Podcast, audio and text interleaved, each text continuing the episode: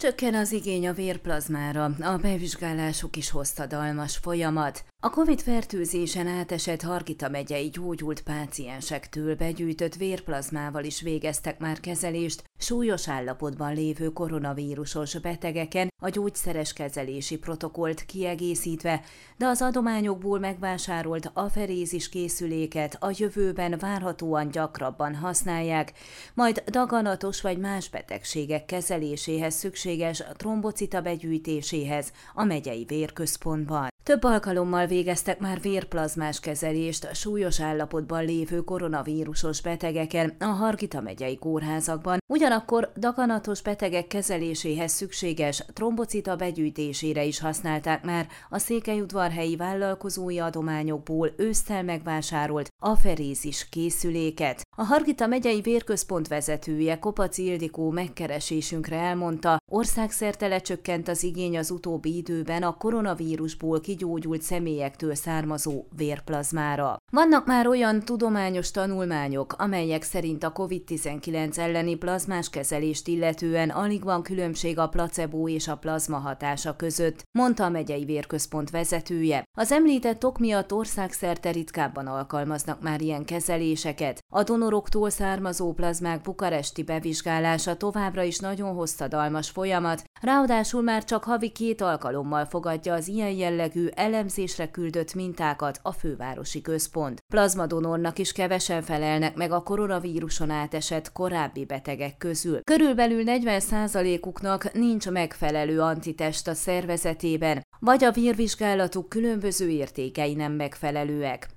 Kopac Ildikó kérdésünkre elmondta azt is, hogy tudomása szerint néhány nagyon súlyos állapotban lévő Hargita megyei koronavírusos betegen sajnos nem segített a plazmás kezelés sem, és életüket vesztették a gyógyításukra tett erőfeszítések ellenére. Az aferézis készülék a daganatos betegek kezeléséhez szükséges trombocita készítmény önkéntes véradóktól történő begyűjtésére továbbra is nagy hasznára van a vérközpontnak, hiszen a készülékkel 3-4 egységnyi trombocitát lehet begyűjteni egy donortól, és így a ritka vércsoportú daganatos betegek esetében nem kell várakozni négy vércsoport azonos trombocita donorra. Ahogy az előre megjósolható volt, trombocita masztára van inkább igény, mondta a megyei vérközpont vezetője. Az intézmény a készülékkel együtt kapott egy kisebb készletet a trombocita és plazma begyűjtéséhez szükséges, speciális és költséges tasakokból is. Ezek még nem fogytak el, de vásároltak már újakat. Azért, hogy ne vesszen kárba egy tasak sem, egy sikertelen afarézis miatt inkább csak rendszeres véradókat fogadnak trombocita donorként, ugyanis az eljárás hosszadalmasabb, mint a hagyományos